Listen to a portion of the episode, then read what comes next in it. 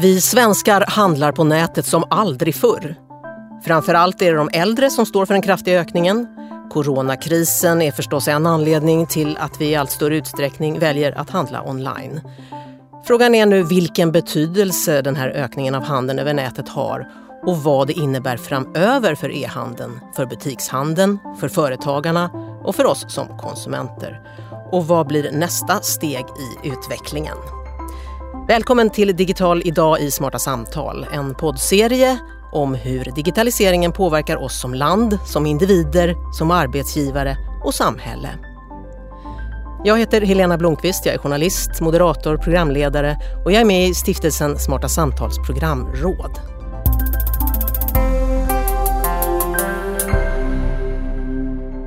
Idag har jag nöjet att hälsa välkommen till Mia Brunell Livfors och Per Svärdson. Mia, du är VD och koncernchef för Axel Jonsson och där ingår ju bland annat Åhléns, Kicks, Dustin, IT-produkter, Axfood eh, inom dagligvaruhandeln och Per, superentreprenör brukar du kallas och då särskilt inom e-handeln som grundare av internetbokhandeln Adlibris, mat och delikatessförsäljning i Delitea och nätapoteket Apotea där du också fortfarande är VD. Välkomna båda två. Mm, tack. tack. Per, vi börjar med dig. Eh, du har just varit med i Ernst Young World Entrepreneur of the Year 2020, världsfinalen i entreprenörskap. Hur gick det? Jag eh, kom tvåa. Det kom i och för sig alla som inte vann då. Så att, men, eh, nej, men det var en indisk kvinna som vann och hon var en väldigt värdig vinnare så att det var absolut helt okej att förlora mot henne. Mm. Men sen är det alltid kul att vinna ändå. Men, men hon var super, verkligen en superkvinna. Mm. Och en superkvinna har vi ju i dig, eh, Mia Brunell Lifors. Du har ju inte nyligen, men flera gånger utsetts till Sveriges mäktigaste kvinna inom näringslivet. Hur viktigt är det med de där titlarna, de där utmärkelserna, att man uppmärksammas på det där sättet? Jag tror att det är olika för olika priser. Entreprenörskap tycker jag väl är jättebra, att man visar att man vågar starta företag och så. Jag kan tycka kanske det här med, med eh, att årets mäktigaste kvinna, det känns som att um, jag skulle hellre se att man hade bästa företagaren eller årets utnämning eller något sånt där och att man tittade på mångfald och uh, helheten. Mm, just det, årets mäktigaste och ja. kanske skippa det med kvinna. Det är ändå 2020 nu. Absolut. Per, är det viktigt med den här typen av eh, att uppmärksamma? Ja, nej, men jag tror att det är viktigt uh, med att lyfta fram det som man vill ha mer av och skapa förebilder. Och då tror jag så här att om man då till exempel eh, har en sån här tävling och jag är med i den, då tänker säkert det skulle i alla fall kunna vara så att någon annan tänker att ja men vadå, kan han så kan ju jag. Och då, då har vi ett nytt företag, då har vi ny, och det kan innebära jobb, utveckling i samhället. Så jag tror att det är jättebra att lyfta fram eh, förebilder för då ser man att så märkligt är det inte. Det här samtalet ska handla om e-handel framför allt och om jag då säger som en slags rubrik för samtalet 2020, året då shoppingen blev digital. Vad säger ni då? Ja, verkligen. Alltså det har ju varit en, en, fokus på digital utveckling under ganska många år nu, eller flera år. Men nu känns det som att under de senaste två, tre månaderna så har utvecklingen lyfts två, tre år framåt i ambitionen och vad man ser hos kunderna och vad man föreställer sig. Så att hela omställningen kommer att gå väldigt mycket snabbare. Mm. Per? Ja, jag tror två, tre år är kanske snarare en underskattning. Eller liksom så här, för att jag, om man tittar på att vi har haft en lång period, kanske 20 år, där det gradvis har blivit mer e-handel, så känns det som att det var liksom någon som kom med en stor hammare eller stor slägga och bara banka till den här kurvan nu. Och Sen får man väl se hur stor liksom, återgång det blir till den fysiska handeln. Men jag tror att om man sen tittar så om fem år eller sådär så kommer man ju verkligen se corona-omställningen. Eller liksom, det kommer ju vara en den kommer aldrig bli som förr. Mm. Vi ska förstås eh, blicka framåt så småningom. Men först om ni omsätter det till era verksamheter, då, hur ser det ut där med e-handeln? Och det kan ju vara svårt då. Mia, mm. du har många företag och många olika verksamheter mm. i din portfölj. Men... Ja, men jag kan ju titta nu då om jag säger det här, alltså för att de, Axel Jonsson var inte väldigt tidiga med e-handel i många bolag. Så att om, om, man tittar under de senaste fem åren kanske så har det gått från nästan noll till ungefär 25 procent av omsättningen i gruppen. Men det är ju precis som du säger att nu har det ju lyfts. Vi har ju sett att e-handeln har ju i många verksamheter fördubblats bara under de här eh, sista månaderna. Mm. Eh, och det är klart att spegelbilden är ju då att den fysiska eh, butiksverksamheten kommer att omstruktureras på andra sidan då. Den, kommer också att, den omstruktureringen kommer att gå fortare men i andra riktningen. Mm, och om vi tittar lite mer i detalj då, utan att bli för detaljerade, vad, ja. vad går bra, vad går inte bra? Jag tror att allting har ju ökat på e-handel egentligen. Och mat gick ju väldigt bra i början och går fortfarande väldigt bra. Eh, och sen om man tittar skönhetsprodukter har ju haft en fantastisk utveckling, apoteksprodukter. Eh, elektronik var ju väl, framförallt i mars där när alla skulle ha sina hemmakontor och digitalisera. Och det tror jag väl kommer att fortsätta lite framåt. I och med att digitaliseringen ökar så kommer ju elektronik att vara viktigt. Men det som har, om man ska titta på något segment inom handeln som har, har drabbats mest så är det kanske mode. Mm. Sällanköpshandeln. Sällanköpshandeln och, och ja, men hem har ökat och skönhet har ökat men just mode har minskat. Mm. Och, och, hur är det, det som går bra, kompenserar det det som går dåligt? Nej, inte fullt ut, det gör det inte. Mm. Per, eh, e-handelsapotek går väldigt bra. Apotek ja, inte minst. Ja, det går absolut väldigt bra. Men sen har vi i vår lilla, liksom, lilla grupp eller sfär även andra verksamheter som till exempel Babyland som är barnprodukter. Det går ju superbra. Och det kan man ju förstå. Det finns ju kanske få tider i livet man är så nojig som när man precis ska få barn. Och, och då är det klart att åka till liksom någon sån här köpcentrum när man är liksom gravid i åtta och en halv månad eller någonting. Det är ju inte på kartan. Så det går superbra. Sen så ser vi också till exempel, vi har Vidfors som är eh, outdoor-produkter. Det går ju också superbra. Och nu är det ju så här, nu ska vi semestra i Sverige. Då all typ av, ja men så här, folk dammar av sina båtar, folk dammar av sina, ja men du vet, cyklar och, ja men då, då är det så här, då är det liksom, vi ska plötsligt ställa in oss på ett nytt liv. Vi kan inte åka till till London eller Spanien eller Grekland. Utan nu ska vi då, så då blir det ju en väldig massa verksamheter. Vi förändrar vårt beteende och det gör ju att de verksamheterna blir lyfter ju. Mm. Och apotek så är det ju det är ju lite annan grej. Det kan ju inte så att vi köper jättemycket mer medicin. Men det är klart att då säger man till alla pensionärer, ni får verkligen inte gå in på ett fysiskt apotek. Då, då är det klart, e-handeln smäller ju till. Liksom. Mm, den gör ju det. Det är som, sa du någonstans, det har varit i coronakrisen som att ha Black Friday varje dag. Ja absolut och, och långt över det. Och super då, Black Friday. Ja, super Black Friday. och det är klart att den, den blir också då väldigt komplicerad internt i en organisation. Därför Black Friday har vi planerat för. Vi hade inte planerat för det här. Och plötsligt står man bara där det bara väller in ordrar och ordrarna är många, många fler än vad vi kan hantera.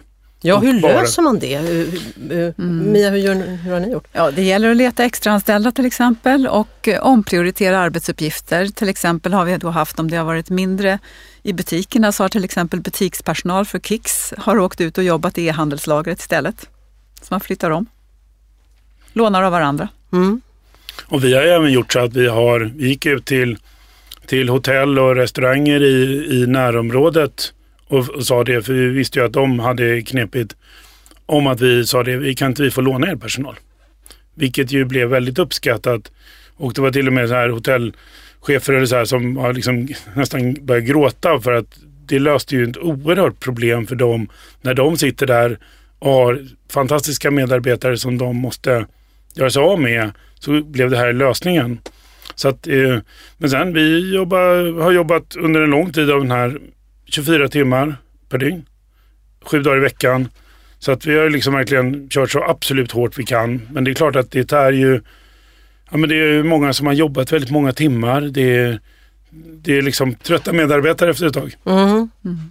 Trötta, ledsna och glada. Det är väldigt dubbel bild eh, vi har sett här om, under den här krisen. Ett hårslag mot handeln i stort. Många företag har det ju mycket svårt. Andra går jättebra. Hur, hur tänker ni kring den här balansgången som man måste gå i det?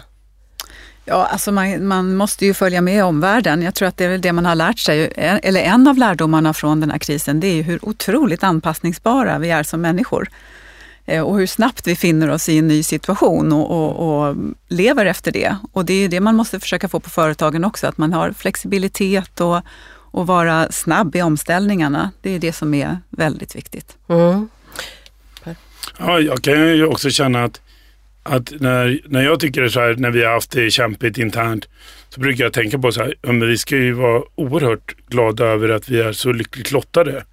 Jag menar alla de här företagen som sitter där utan någon enda omsättningskrona eller de i sjukvården som sliter med, med ofta hög risk också. Eh, så kan man ju känna att ja, men, vi ska väl bara vara tysta liksom och kämpa på. Vi har det ändå väldigt bra. Liksom. Ja, ni har det väldigt bra ja. Eh, Mia, i, precis i början av coronakrisen där när ni presenterade era siffror för 2019 då så mm. visade ju ni, det var ju högsta resultatet eh, någonsin i, i Axel Jonssons historia, drygt 88 miljarder kronor. Mm. Och så kom Corona. Den där, och hur, hur tänkte ni där först? Eh, tänkte ni någonting och sen när Corona kom? Tänkte ni något annat eller hur gick tankarna? Ja, men det är så här, man anpassar sig väldigt snabbt efter en realitet. Det kändes som att vi glömde det resultatet ganska snabbt. Mm. Men ni hade börjat tänka utveckling, investering? Ja, vi? Vi, vi? tänkte ju så. Vi, precis, vi hade ett rekordresultat och man tänkte mest på förvärv, utveckling, investeringar framåtanda och sen blev det precis tvärtom. Sen blev det fokus på hjälp. Hur drabbar det här oss? Och göra prognoser och vi har ju verksamhet som går både bättre och sämre. Eh, men det är tungt för alla, ändå är det. Ehm, eh, så att, men så börjar man tänka på hur ser likviditeten ut, hur kommer det här att påverka resultatet och så vidare. Så att det blev, men man ställer om sig mentalt väldigt fort. Mm. Jag har ju även börjat redan nu göra någon form av sån här listor över vad gjorde vi bra, vad gjorde vi dåligt. För, för det första så tror inte jag att det här är över. Vi kommer få fler svängar, det kommer hända mer saker. Och sen så tror jag vi var väldigt tillsammans tror jag med väldigt många ganska dåligt förberedda på att skulle, det här skulle hända. Och därför tänker jag så här att om man då ska försöka vara lite smart eller sådär så ska man dra lärdom av det här och så ska man se till att man om det händer igen var väldigt mycket bättre rustad. Mm. Och det tror jag, det borde nog kanske samhället i stort ge sig både den, den lilla utflykten också. Om man tittar allt från det här med äldreboenden och sådär så kan man känna som medborgare att vi borde aldrig göra så igen. Mm. Vad, vad, står det på er, eh, Mia, er bra och dåligt lista?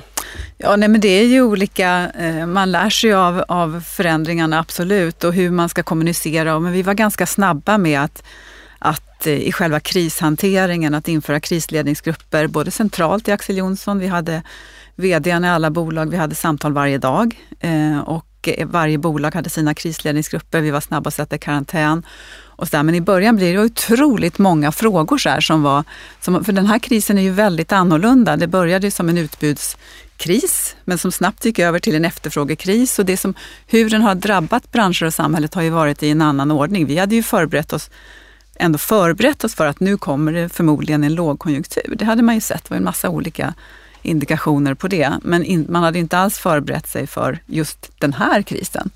Men någon slags ramar över, eh, jag, jag tror att kommunikation är väldigt viktigt och, och flexibilitet och, och, och, eh, men varje kris är ändå unik. Mm. Men du sa det när vi pratade lite innan att just mm. flexibiliteten, alltså det är ja. så viktigt att inte fastna i det man har tänkt. Ja, det är också väldigt svårt när man är i en högkonjunktur eller saker flyter på och går väldigt bra. Det är väldigt svårt att se att man ska sjunka ner i en lågkonjunktur eller att saker ska gå, gå dåligt.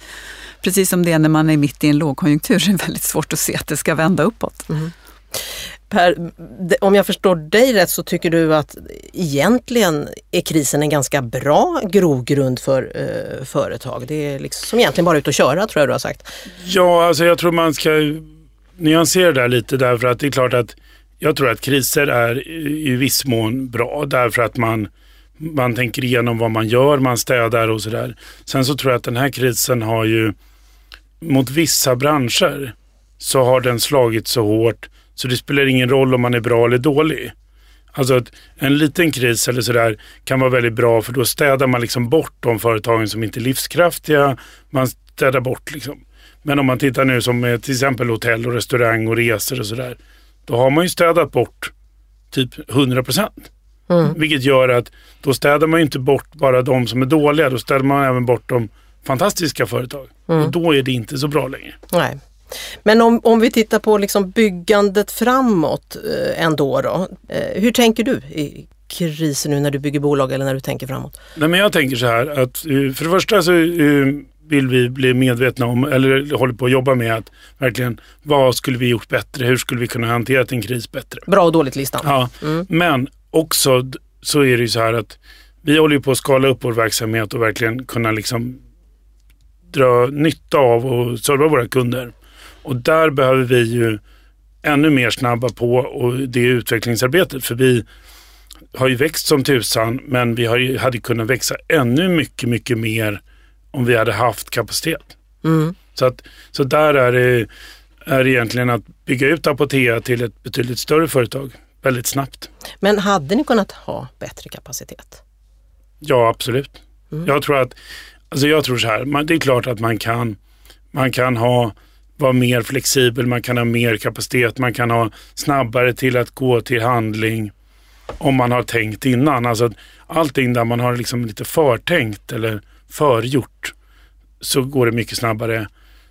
Nu kanske vi kom igenom det ganska bra men det är klart att man kan vara mycket bättre och då borde man ju till en situation jag menar, jag, jag är ju av den tron att vi tyvärr kommer få en andra våg på coronan i Sverige. Mm. Eller i hela världen. Mm. Och då tänker jag, då ska vi självklart vara väldigt mycket bättre förberedda än vad vi var den här gången. Jag tänker från vårt håll, tänker jag att den här krisen har ju varit speciell, just den här mänskliga aspekten, den här hälsokrisen som har också legat som en, även när, när saker och ting har gått bra, så har det ändå varit som en våt filt över själva stämningen i, i samhället. Det har inte känts bra som människa även om Nej, som företag vilket ju är självklart såklart. Mm. Men det man ser om man tittar ur ett företagsperspektiv så är det ju att man kommer att göra omställningen snabbare. Vi har ju redan fokuserat på en omställning till mer digital handel, digitala kundresor och, och fokuserat mycket på Omnikanal, den här kombinationen av digitalt och fysiskt.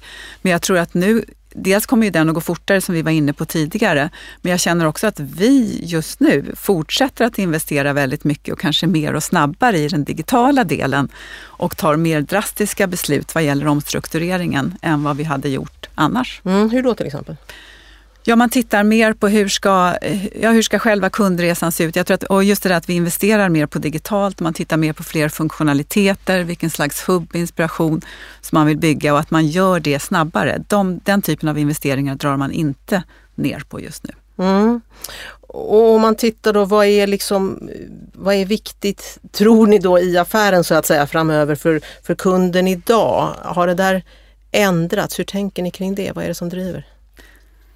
Jag tänker det finns ju vissa saker som är rent, som är bara ett måste för e-handel och det är ju eh, att det ska vara bekvämligheten och snabbheten och säkra leveranser och så vidare. Det är ju självklart. Men jag tror att över tid när man, när man är en nischspelare också, att man, att man får satsa på att bli man måste vara expert inom sitt område, man måste hitta inspiration, innehåll, bygga nya funktionaliteter om det så är abonnemang eller live-shopping eller vad det kan vara. Men jag tror att det kommer att hända mycket som blir en kombination av inspiration och event och information. Mm. Vi ska få framtidsbana mm. ännu mer sen men, men... Ja, sen så tror jag att när, nu har vi fått in väldigt mycket nya kunder, även lite äldre kunder som kanske inte är så erfarna e-handlare. Då behöver man mer hjälp. Man behöver kanske mera stöd av kundservice och sådär. Så att då, då växer man oproportionerligt mycket med till exempel folk som frågar. Mm. Vilket gör att det blir ännu knepigare i och med att ofta är det då så att de behöver fråga en farmaceut eller en apotekare då.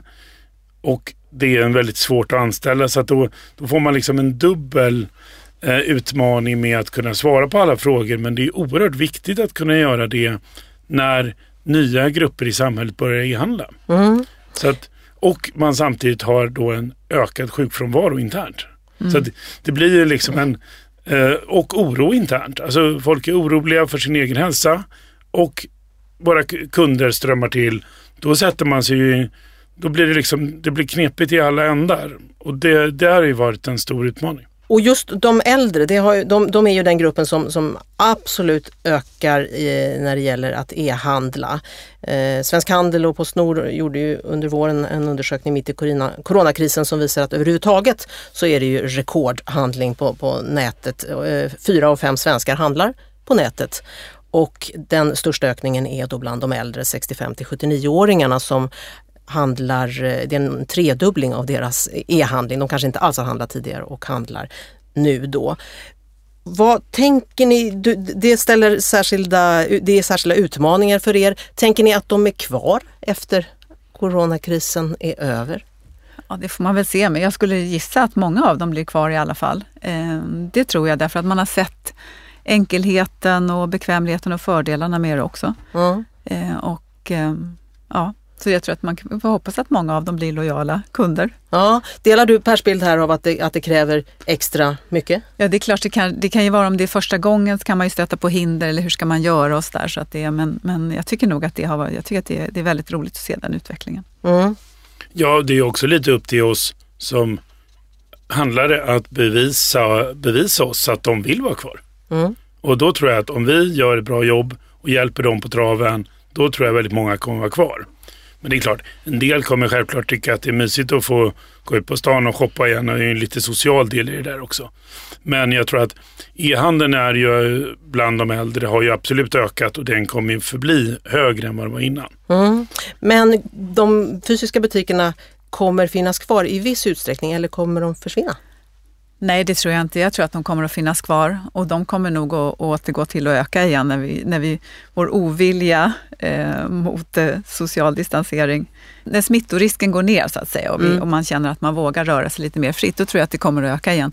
Sen kanske det inte kommer tillbaks till tidigare nivåer, det tror jag inte, men det var ju på nedgång redan innan, så att det är ju mer det att corona skyndar på det. Men vi kan ju se för oss är de mest lojala kunderna inom alla segment, det är de som både handlar i butik och inom e-handeln. Som man liksom har lyckats, där man har lyckats knyta till sig kunden till helheten av, av erbjudandet. Mm, men det finns, finns, inte anledning att tro att de går över till e-handeln då? Att de... Jo, jag tror, men både och kanske, mm. eh, som de allra flesta gör.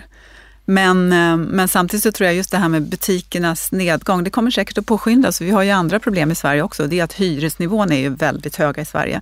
Om man jämför internationellt så är de ju nästan dubbla för en, en eh, butiker jämfört mm. med andra länder av omsättningen. Mm. Och så att, och det i sig påskyndar ju också omstruktureringen.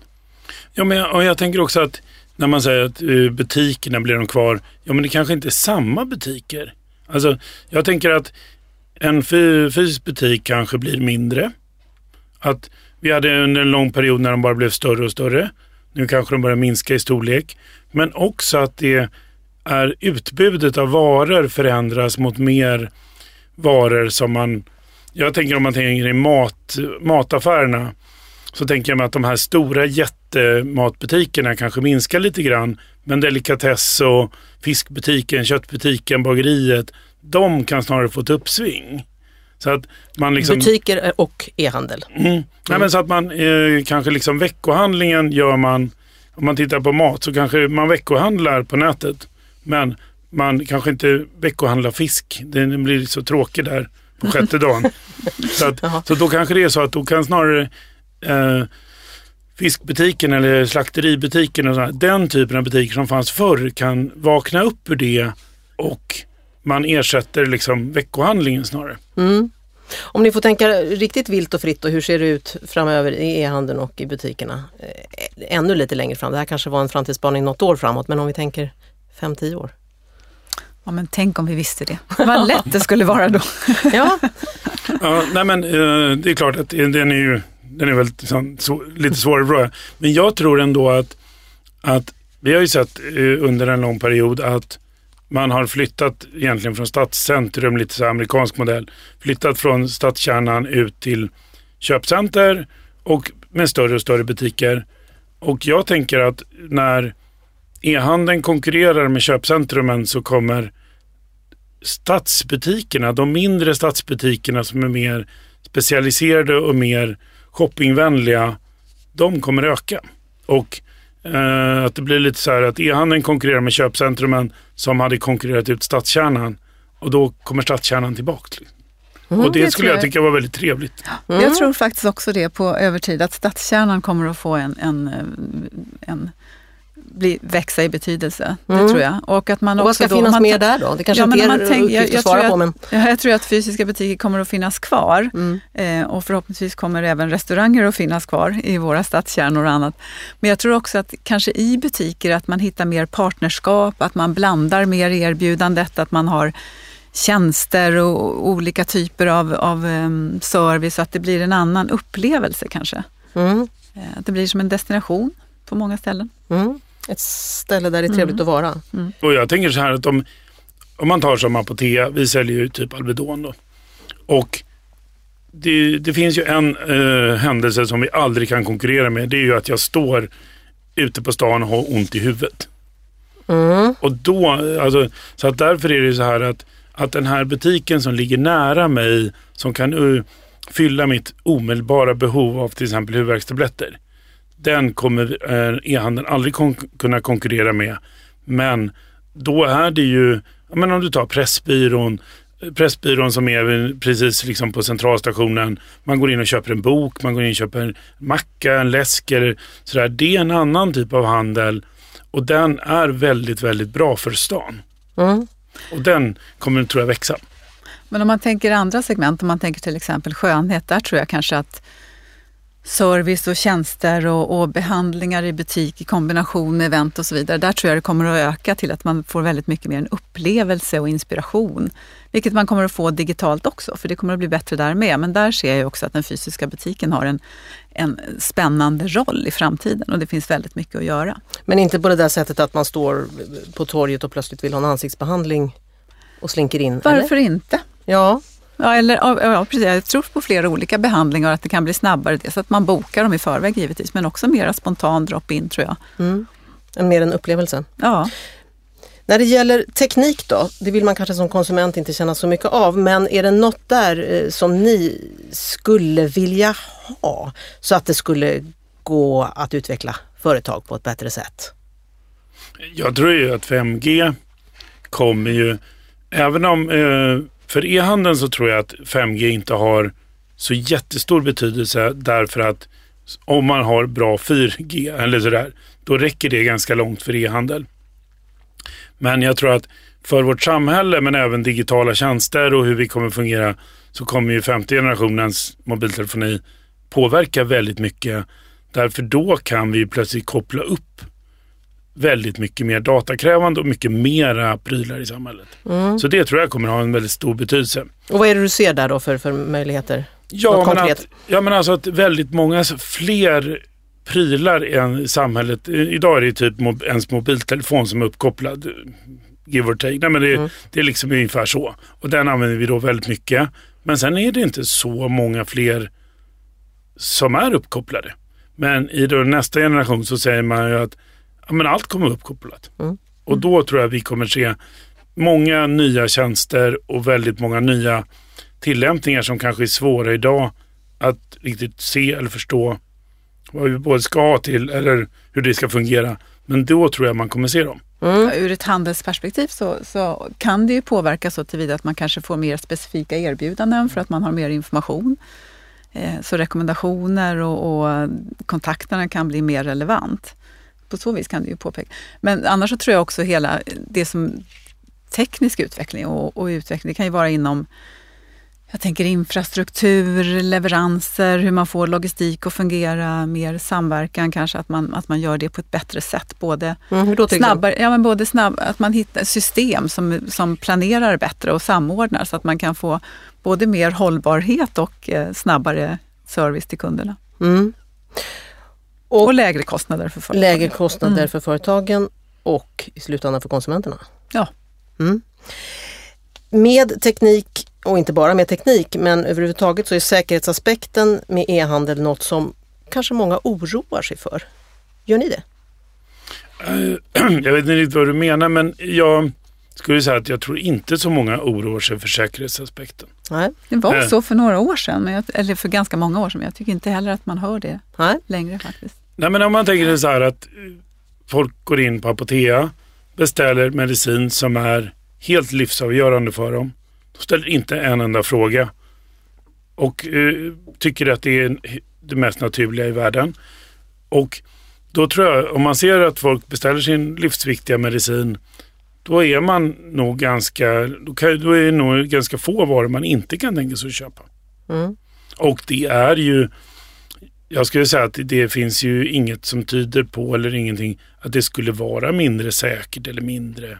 Så länge man håller sig i Sverige ska man väl säga. Man kanske ska Mm. undvika ryska sajterna liksom. Mm.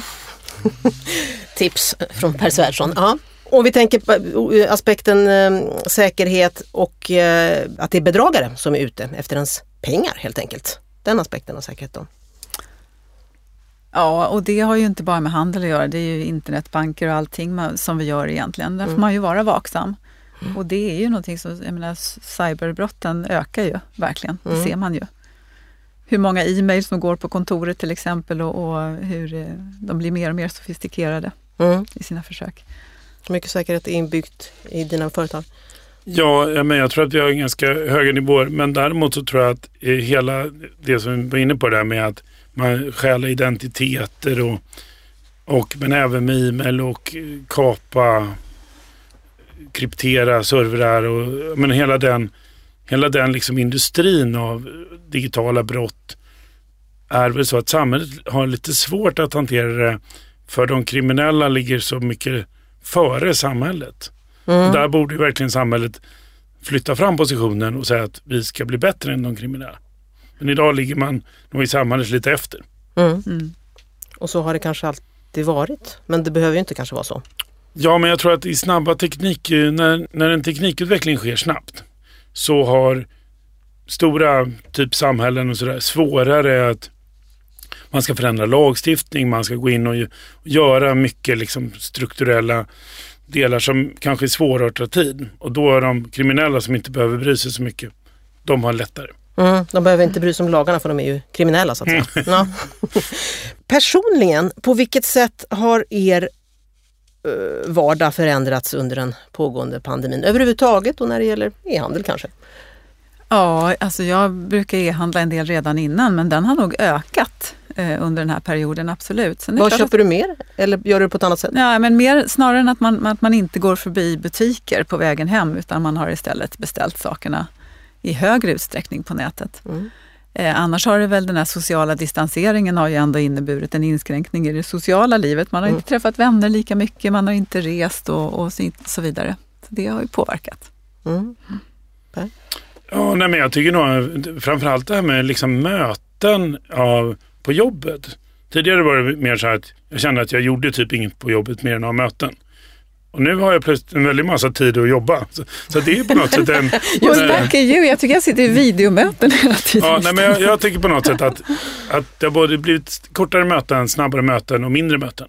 Och det kan jag uppleva som väldigt positivt. Men, men däremot så är det här att inte träffa och prata med andra människor lika mycket gör ju också att det blir svårare. Alltså, den sociala interaktionen med andra är ju väldigt viktig. Och i olika typer av videomöten och så. här, Jag tycker att det är svårt när, framförallt om man är fem, tio stycken och ska resonera om någonting. Då blir det verkligen, vad sa du? Nu vill jag säga, ja. Ja, Ja, men man, att- ja, man lär sig lite successivt tycker jag med det här med videomöten ändå. Att man, eh, vi har satt som regel nu att man får inte stänga av kameran till exempel för det är skitjobbigt att sitta och prata med svarta rutor och försöka vara inspirerad. Men jag tycker att Ja, men jag, tycker att jag är förvånad över hur bra verksamheterna ändå har fungerat med tanke på att, att eh, så stor utsträckning de allra flesta har jobbat hemifrån. Mm. Eh, Så det är jag förvånad att det har ändå gått mycket, mycket bättre än vad, det, än vad man kunde ha förväntat sig kanske.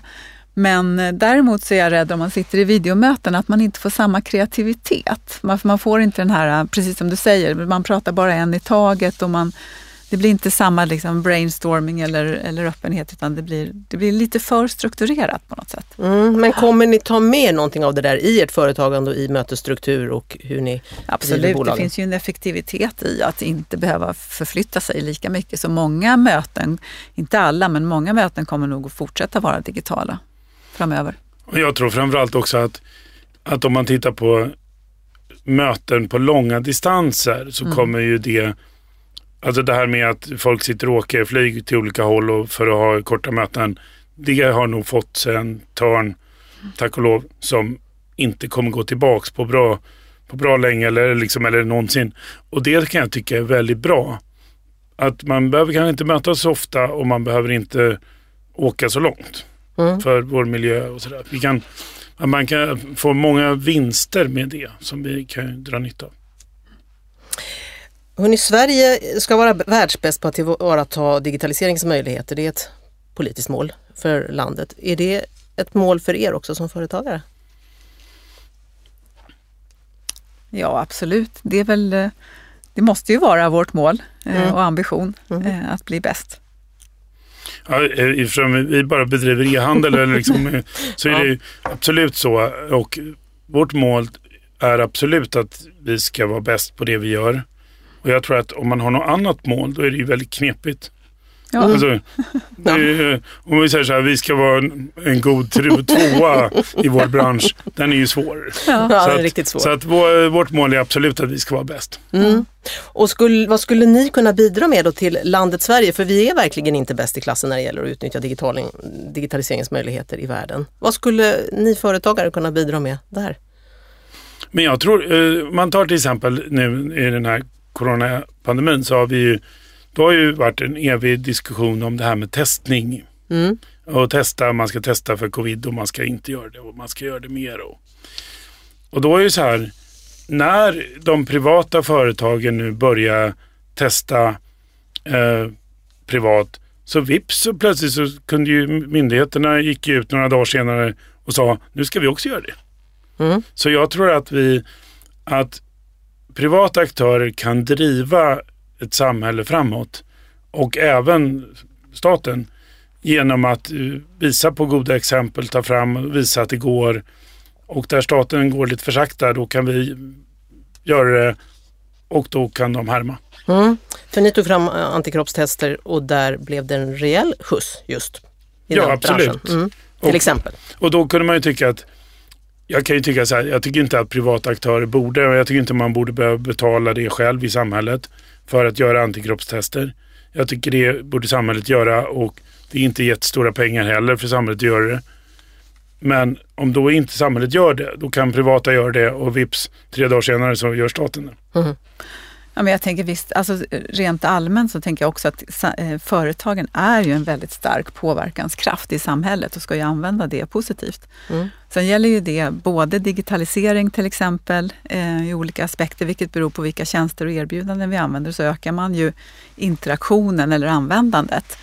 Men även vad gäller hållbarhet, vad gäller mil- miljö eller vad gäller mångfald, inkludering av, av utsatta grupper och allt möjligt, så finns det, vi kan ju vara otroliga, vara en otrolig kraft i samhället. Mm. Och jag tänker att ni avslutningsvis ska få berätta för oss vad ni eh, tänker framöver då som den starka kraft ni är. Vad är era mål på 5-10 års sikt? Ja, målen är, men det är att vara ledande inom de eh, verksamheter, de branscher som man verkar. Eh, och att följa, det är det som är så himla spännande, att man inte vet exakt hur det blir, men man vet ändå i vilken riktning det går. Eh, sen är det ju liksom tusen steg hela tiden och, och några framåt och några bakåt ibland.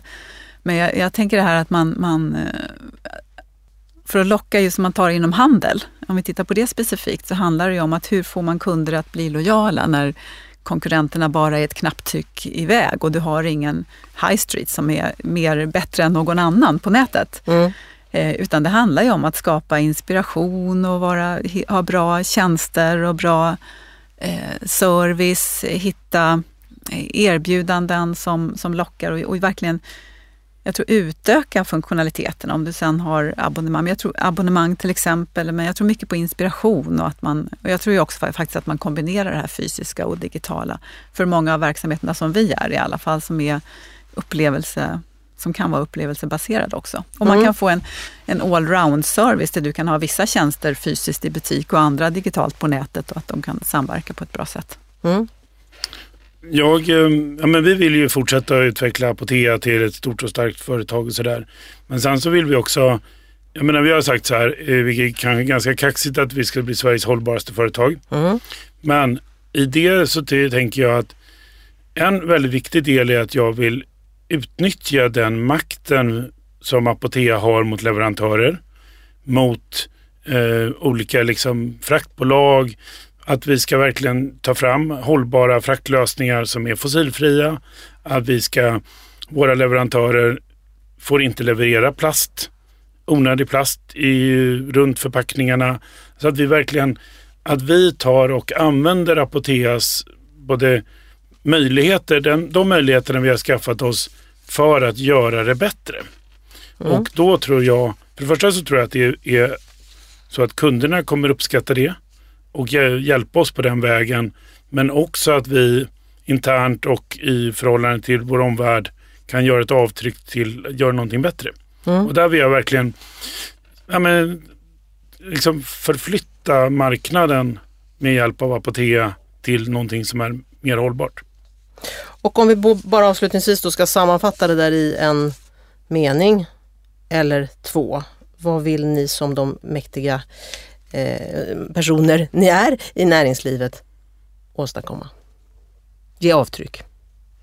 Ge avtryck, ja, man vill ju vara, eh, ge en bra kundupplevelse. Man vill ha nöjda kunder, nöjda anställda men också påverka samhället då med hållbarhet som, som Per säger. Och för oss är det ju också väldigt viktigt med klimatmål och det är ju mycket både förpackningar och transporter. Eh, vi jobbar ju väldigt mycket med matsvinn som är en, en stor och viktig del och med mångfald som jag också tycker är superviktigt. Ja, jag vill vara stolt över vad jag gör. Och känna att, ja, men, det, att det är bättre efter det vi har gjort det vi gör än före. Så att, så att vi jobbar hårt med det. Mm. Stort tack båda två för att ni har varit med i Digital idag i Smarta Samtal podcast. Mia Brunell Livfors och Per Svärdson. Tack. Tack. Jag heter Helena Blomqvist och det ni har lyssnat på är en del i en poddserie som är ett samarbete mellan Digital idag och Smarta Samtal. Smarta Samtal arrangerar samtal kring breda samhällsfrågor med deltagare från samhällets alla hörn. Och Digital idag är en folkbildningsrörelse där så många aktörer som möjligt talar om digitaliseringens möjligheter och konsekvenser. Initiativtagare är Forum för omställning tillsammans med Myndigheten för digital förvaltning, DIGG, Landsorganisationen, LO, Ingenjörsvetenskapsakademin, IVA, Sveriges kommuner och regioner, SKR och så myndigheten Statens servicecenter. Tack för att ni har lyssnat.